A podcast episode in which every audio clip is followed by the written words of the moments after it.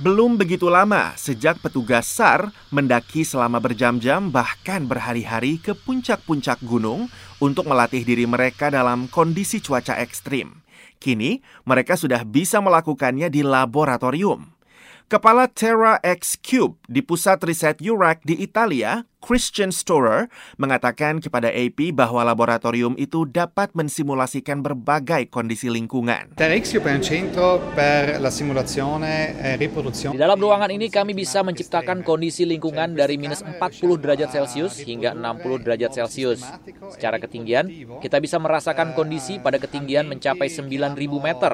Kami menggabungkan angin, salju, dan hujan, dan kami punya departemen riset khusus yang meneliti dampak-dampak kondisi tersebut terhadap manusia. Di pusat simulasi iklim ekstrim Terra X Cube, para ilmuwan meneliti dampak ketinggian dan cuaca ekstrim terhadap kekentalan darah peserta dan kemampuan darah mengangkut oksigen.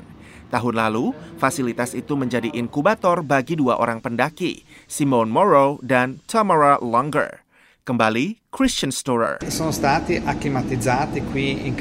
Mereka mengaklimatisasi diri dalam ruangan kami selama sebulan mereka perlahan dibawa ke ketinggian 7.000 meter. Mereka berlatih di dalam ruangan itu. Kami memonitor kondisi mereka dengan para peneliti lain dan dokter.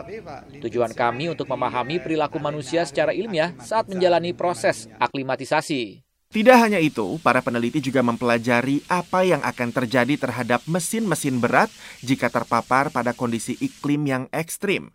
Storer menjelaskan, kami melakukan uji pencairan es terhadap mesin-mesin besar.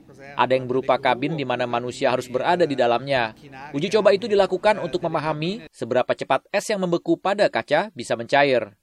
Ia mengatakan uji coba itu akan mengukur kualitas kaca yang penting bagi mesin-mesin yang beroperasi dalam suhu ekstrim. Terra X Cube menerima akreditasi nasional untuk melakukan uji iklim, bukan hanya pada benda mati, tetapi juga pada makhluk hidup.